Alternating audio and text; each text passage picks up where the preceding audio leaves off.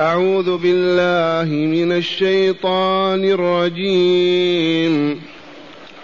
قال الملأ من قوم فرعون إن هذا لساحر عليم. يريد أن يخرجكم من أرضكم فماذا تأمرون؟ قالوا أرجه وأخاه وأرسل في المدائن حاشرين يأتوك بكل ساحر عليم. معاشر المستمعين والمستمعات من المؤمنين والمؤمنات تقدم في هذه الصورة قصص. أول قصة قصة آدم. وخلقه ونزوله الأرض.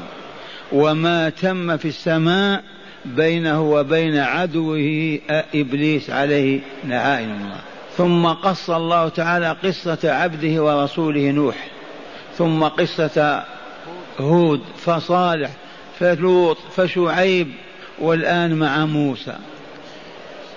الرجل الذي ما قرأ ولا كتب أربعين سنة من أين له أن يقص هذا القصص؟ أسألكم بالله كيف يتم هذا؟ والجواب والله ما يتم إلا بتعليم الله. أمي ما قرأ ولا كتب في مكة. كيف يتحدث عن إحداث مرت آلاف السنين كأنه يشاهد وحاضر فيها ولن يستطيع أهل الكتاب أن ينقضوا مسألة واحدة أو يردوها. هذا دليل أن محمدا رسول الله ومن أنكر رسالته كفر ولعن ومآله جهنم. وتقدم لنا أول القصة وها نحن في أثنائها. لأن الذي تقدم اسمعوه قال تعالى ثم بعثنا من بعدهم موسى بآياتنا إلى فرعون وملئه فظلموا بها. فانظر كيف كان عاقبة المفسدين. دمرهم وأهلكهم كما دمر عاد وثمود. وقال موسى يا فرعون بداية الرسالة. يا فرعون وعرفتم من فرعون ملك مصر وهو الوليد بن ريان يا فرعون إني رسول من رب العالمين. ما قال إني رسول إليك رسول من رب العالمين. هو الذي أرسلني. حقيق على أن لا أقول على الله الحق. قد جئتكم ببينة من ربكم. فأرسل معي بني إسرائيل. قد جئتكم ببينة دال على أني رسول وأن لي الحق أن أطالب ببني إسرائيل لأخرج بهم إلى القدس. فأرسل معني بني إسرائيل. قال فرعون إن كنت جئت بآية فأت بها إن كنت من الصادقين. والآية دائما نقول العلامة الدالة على الشيء تسمى آية وتسمى علامة. وكل آية في القرآن الكريم وهي ستة آلاف ومئتين وأربعين آية. كل آية تدل دلالة قطعية أنه لا إله إلا الله وأن محمد رسول الله. أكثر مما تدل الأنوار في الطريق على بيتك. لو تضع رجل بعد رجل إلى منزلك يدلون الناس إلى بيتك. والله لا آية القرآن أكثر دلالة من هذه. كيف يا شيخ؟ هل هذا القرآن هذا الكلام الطيب المبارك الحاوي للعلوم كلها يمكن أن يوجد بدون متكلم؟ يوجد. هل توجد كلمة بدون متكلم يا بشر؟ مستحيل وإلا لا. إذا الذي تكلم بهذا الكلام من هو؟ في من رفع يده وقال أبي أو أمي. الله. إذا لا إله إلا هو. والذي نزلت عليه هذه الآية يمكن أن يكون غير رسول؟ لما ما تنزل عليك أنت هذه الآية؟ لما لا تنزل على بلايين البشر؟ لأن الله ما أرسلهم وأرسله. كل آية تدل دلالة قطعية على أنه لا إله إلا الله وأن محمدا رسول الله صلى الله عليه وسلم. يا شيخ لم تكرر هذا الكلام وتعيده؟ الجواب لن نستطيع أن نستقيم على منهج الحق ونسلك الطريق المستقيم فلا نميل يمين لا نميل يمين ولا شمال إلا إذا قويت عقيدتنا ولاحت أنواره أمامنا. حينئذ نستطيع أن نواصل مسيرتنا إلى الموت ونحن نقوم بالواجبات ونتخلى ونبتعد عن المحرمات. والذين يقصرون في الواجبات ويخشون بعض المحرمات ما علة ذلك؟ والله لضعف إيمانهم وقلة بصيرتهم. قال فرعون فأتي بآية إن كنت من الصادقين في أنك رسول من رب العالمين فألقى عصاه فإذا هي ثعبان مبين. واضح كالشمس ثعبان عصا في يده كأن يرعى بها الغنم عشر سنين. تتحول إلى ثعبان تهتز كأنها جان. آية ماذا؟ أعظم آية هذه. ونزع يده كانت يده هكذا فقال هكذا فإذا هي بيضاء كفلقة القمر. ولا باص ولا مال كفلقة القمر في نورها وضيائها وإشراقها. في آية أعظم من هذه إذا ماذا يقول الملأ الآن؟ ما المراد من الملأ؟ الذين يملؤون المجلس من أمراء وأعوان ورجال المال والدنيا يملؤون العين إذا نظرت إليهم يملؤون عينيك. ما هم كالضعفاء والمساكين المحاويج. الملأ ماذا قال الملأ من قوم فرعون ورجالاته؟ قالوا إن هذا لساحر عليم. هذا الرجل هذا هذا الإسرائيلي موشي هذا هذا ساحر عليم. وقالوا هكذا لأنه بهرتهم الآيات وهم يعرفون السحر وآثاره. والسحر يومها كما هو في بابل كما هو في الهند له مدارس وكليات يتخرج من السحرة. قالوا ساحر عليم ما هو مجرد ساحر؟ يستطيع أن يحدث شيئا ويعجز عن آخر. لا ذو علم. ذي نصيحة الملأ للملك فرعون. إن هذا لساحر عليم. وشيء آخر كلمات الملأ رجال الدولة يريد أن يخرجكم من أرضكم. هذا الرجل هذا هذا الساحر العليم له هدف. يريد أن يبعدكم عن أملاككم وما تعيشون فيه ويستولي عليه وبنو إسرائيل ويسودون ويحكمون. ما هو قضية أرسل معي بني إسرائيل. لا يريد أن يخرجكم من أرضكم. هذه كلمة الساسة وإلا لا؟ رجال الدنيا والعالمون بها. يريد أن يخرجكم من أرضكم. فماذا تأمرون؟ بما تأمر يا ملكنا يا فرعون؟ عجل! قبل أن تنهزم أنت وجيشك وأمتك. فماذا تأمرون؟ فهمتم الاستفهام؟ تأمرون بماذا نفعل؟ بينا لك السر وكشفنا لك النقاب وعرفناك أن هذا ساحر عليه ما يغلب. وله هدف يعمل لأجله وتحقيقه هو أن يبعدكم من ملككم ودياركم ليسكنها وينزل فيها مع بني إسرائيل. فماذا تأمرون؟ إذا قالوا أرجه وأخاه. قراءة سبعية. أرجه وأرجه. قراءتان سبعيتان. أرجه وأخاه. إن شئت قلت احبسه هو وأخوه أو آه، واعدهم. لا بد وأن يبقوا عندهم. وإلا قد يشردون هو وأخوه. من أخوه موسى؟ هارون عليه السلام. تذكرون أن موسى دعا ربه أن ينبئ أخاه وهي الوحيدة في العالم بأسره. كل شيء تطلب الله عز وجل فيه.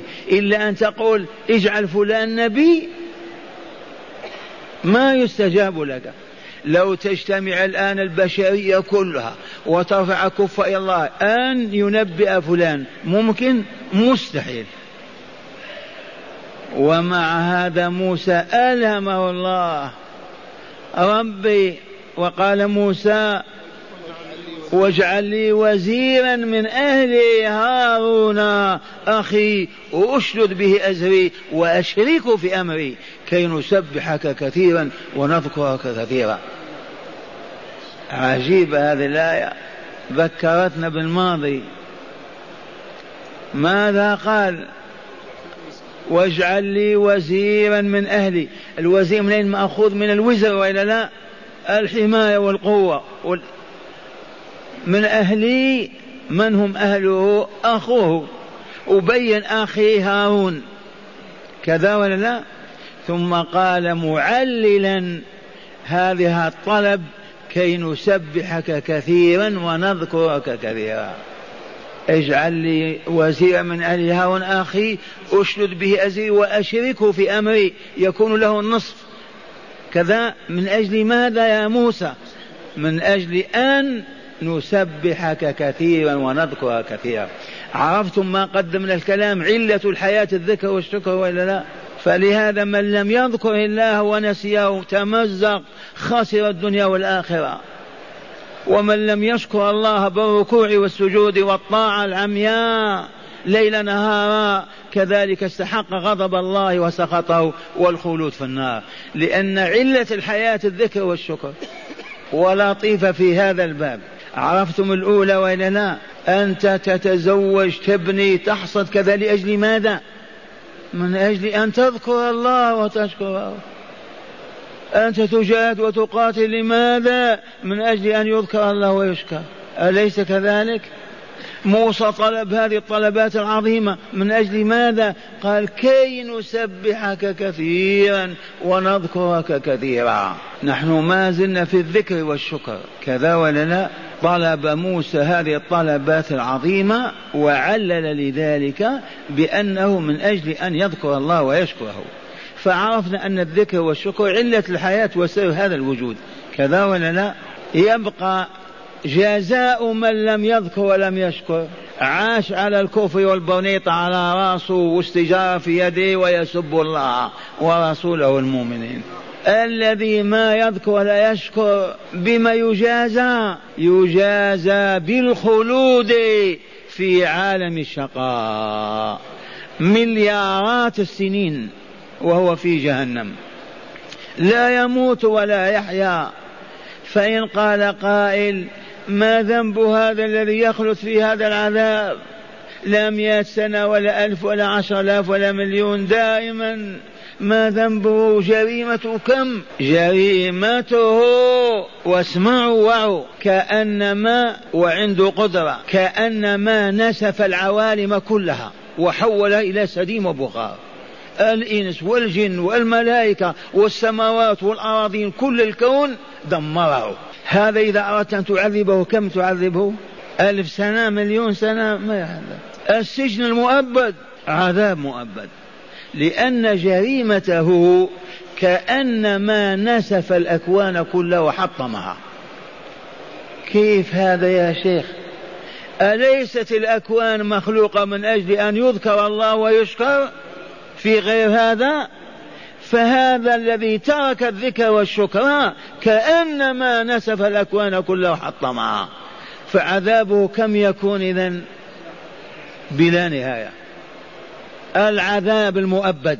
قال قالوا يريد أن يخرجكم قال الملأ يريد أن يخرجكم من أرضكم فماذا تأمرون؟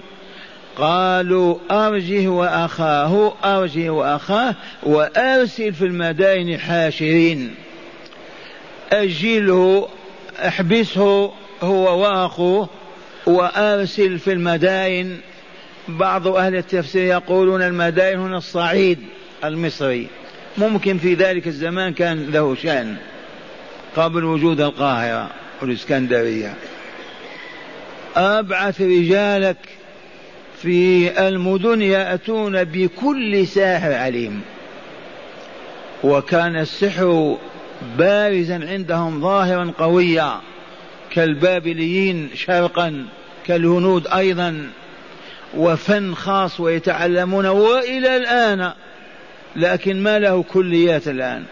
له سراديب. يأتوك بكل ساحر ما يخلوا الساحر أبدا على شرط أن يكون الساحر عليما.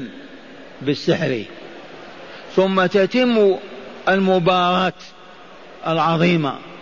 فينكسر موسى وينهزم وتعلو كلمتنا ونسود. يأتوك بكل ساحر عليم. وجاء السحرة فرعون. اجتمعوا بعد شهرين ثلاثة حتى كملوا. وانتظموا. وقالوا لفرعون آه أين لنا لأجرا إن كنا نحن الغالبين وإلا لا. كيف يقولون هذا الكلام؟ لأنهم شاهدوا انهزام فرعون عجب. تحطم خار كما يخر البعير أو الثور. فلهذا قالوا آه عندنا أجر وإلا لا. إذا كان انتصرنا على هذا الساحر العليم تعطينا شيء معين وإلا ما فيه. هددوه. أئن لنا لأجرا إن كنا نحن الغالبين. قال نعم. وإنكم لمن المقربين. كلكم تصبحون من الفئة العالية. تدخلون على الملك بدون إذن. تطلبون ما تشاءون وتأخذون من المقربين. قالوا يا موسى الكلام قصير لكن هذا يتم أيام. ما هو تمت هذا كما في مجلسنا. ما جمعوا السحرة إلا بعد أيام. اجتمعوا كذا كيف دخلوا على الملك وكيف قالوا. لكن القرآن يربط هذه بتلك ويقدمها صورة واضحة. لتشهد أنه لا إله إلا الله وأن محمد رسول الله. وأن دار الحق حق وأنك ذاهب إلى يوم القيامة. فأعمل الصالحات ليطهر المجتمع وتطيب الحياة فيه وينتهي الخبث والشرك والظلم والفساد والفقر والبلاء. لأن هذه الشريعة هذه العبادات هذا الذكر والشكر من محاسنه من آثاره الطيبة. يمحو كل شر وخبث وظلم وفساد في البلد. ذاك الذي لو تمحوه برجالك والله ما استطعت ولن تقدر عليه. فإذا آمن أهل القرية وأسلموا ما تحتاج إلى حارس ولا بوليس. لو تقطع يده ما يسرقك لو تضربه ما يشتمك.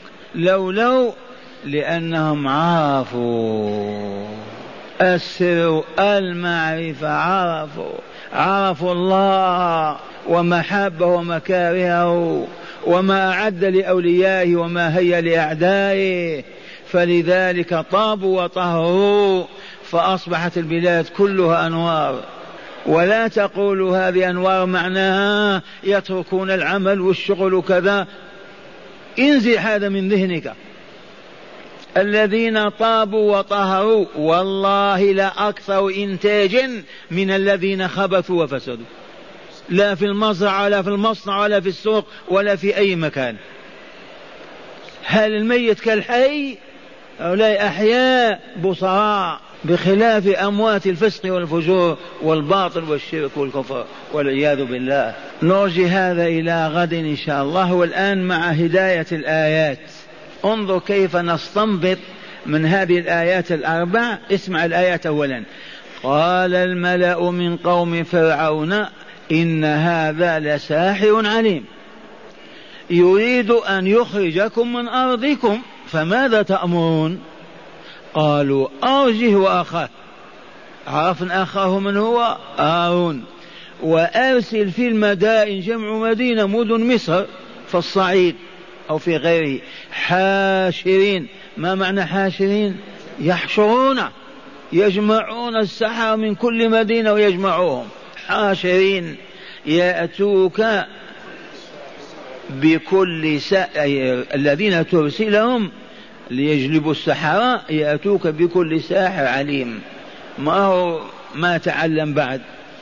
أو عالم بدون علم يتفوق فيه. قال المؤلف غفر الله له لكم ورحمه وإياكم من هداية الآيات. وهل للآية هداية؟ والله لا تخلو آية من هداية. تهدي إلى ماذا؟ إلى أكل البقلاوة والرز وإلى ماذا؟ تهدي أولا إلى معرفة الله والإيمان به ثانيا معرفة الرسول وتصديقه ثالثا الإيمان بهذا الوحي وهذا التشريع رابعا والعمل به. فإن لخصت ذلك يقول تهدي إلى باب الجنة. تسوقك إلى دار السلام. من هداية الآيات أولا جهل الملأ. من الملأ رجال فرعون. جهل الملأ بالآيات أدى بهم إلى أن قالوا إن موسى ساحر عليم. لو عرفوا أن تلك الآيات معجزات خارقة للعادة لا يقدر عليها إلا الله ولا أن يعطيها إلا لمن أرسله ونبأه ما قالوا هات السحرة.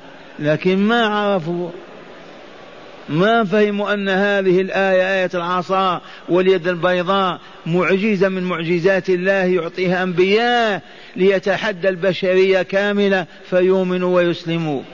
فلجهلهم قالوا إذا هات السحرة أي لو علموا أن هذه معجزة يأتوا بالسحرة ما يمكن.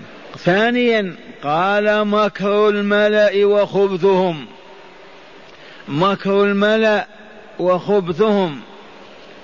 كيف؟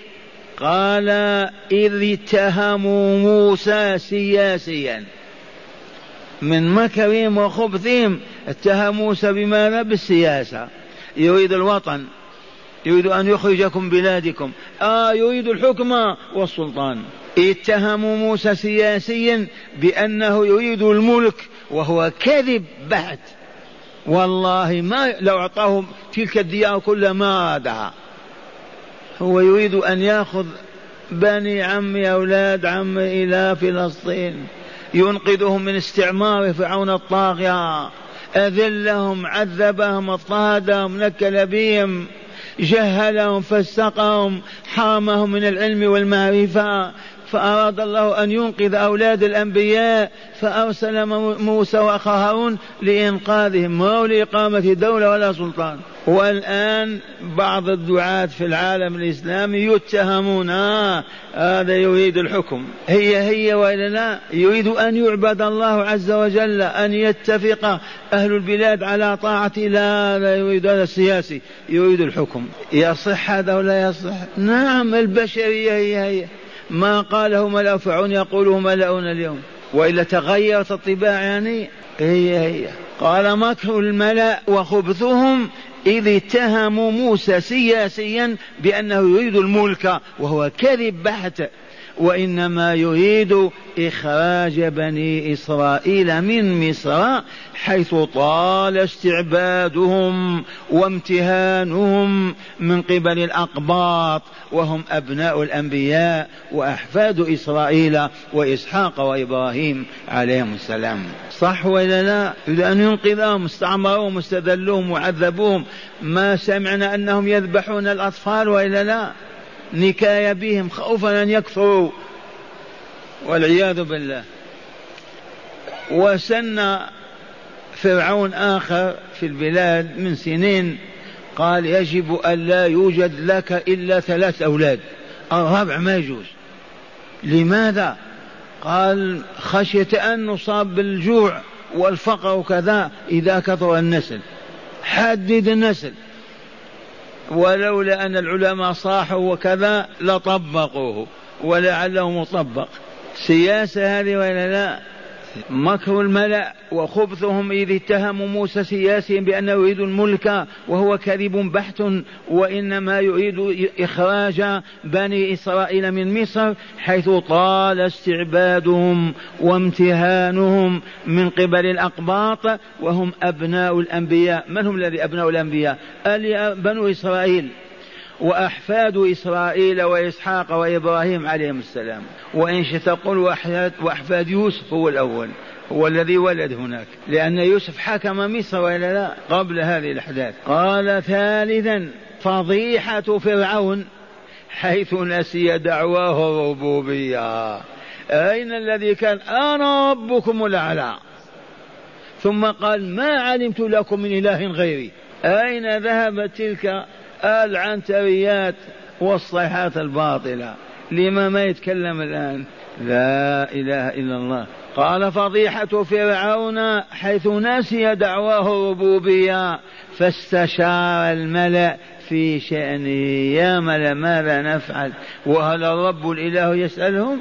هو يدبر الكون كله. ماذا نفعل في شأن قال فاستشار الملا في شأنه إذ رب الحق لا يستشير عباده فيما يريد فعله لأنه لا يجهل ما يحدث مستقبلا. أما غير الرب نعم يجهل ما يأتي به الغد يسأل ويستعين بالآراء. قال رابعا السحر صناعة من الصناعات. والله العظيم السحر صناعة كصناعة الأدوات.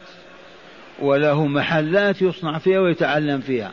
لا, لا سيما في الزمان الأول. السحر صناعة يتعلمها الناس ويبرع فيها المرء ويتفوق ويتقدم حتى يتوف يتفوق على غيره. واضح هذا ولا لا؟ إيه نعم.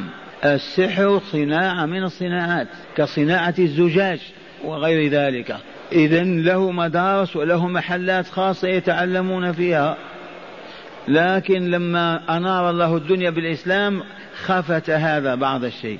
ما أصبحت كلية لتخريج السحر والسحرة في أي بلد. والأوروبيون أيضا تفطنوا لهذا وعرفوا وقل عندهم السحر. والشاهد عندنا في أن السحر صناعة من الصناعات يتعلم ويبرع فيها الإنسان ويتقدم حتى يتفوق على غيره. خامسا حرمة السحر وحرمة تعلمه. اسمعوا يا رجال الإسلام ويا نساء المؤمنات لا يحل لمؤمن ولا مؤمنة أن يتعلم السحر ولا يحل أن يأتي ساحرا ليتعلم عنده أو ليدفع عنه السحر ويرفع عنه. يجب أن يغلق الباب إغلاقا كاملا. حتى يبقى السحرة لا يجدون من يزورهم ولا من يتكلم معهم ولا من يعينهم. إضراب كامل. ومن سحر وظهر سحره حكمه الموت. في الشريعة الإسلامية يقتل الساحر حيث بان سحره. أما إذا اتهم فقط يبعد يسجن. والآن المملكة والحمد لله فيها رجال الهيئة. من ثلاث أيام حدثني أبو فاطمة قال كم وكم نعفو عليهم لكن ما في براهين على أنه يقتلوا يرحلون تباتم في المدينة النبوية وأهل الفقه مجمعون على أن الساحر يقتل حيث بان سحره لأنه كافر كافر كافر بالمرة. وظالم ظالم ظالم. ودجال دجال وكذاب. هذه الصفات كلها في الساحر. وهو أنواع. فيه الدجاجلة والمشعوذين. بالحيل يسحرون الأعين والأبصار فقط. المهم أبطل الإسلام هذا الباطل ووضع له حدا. فلهذا قال حرمة السحر وحرمة تعلمه ووجوب إقامة الحد على من ظهر عليه وعرف به سواء كان امرأة أو رجلا غريبا أو بعيدا. هذا حكم الله عز وجل.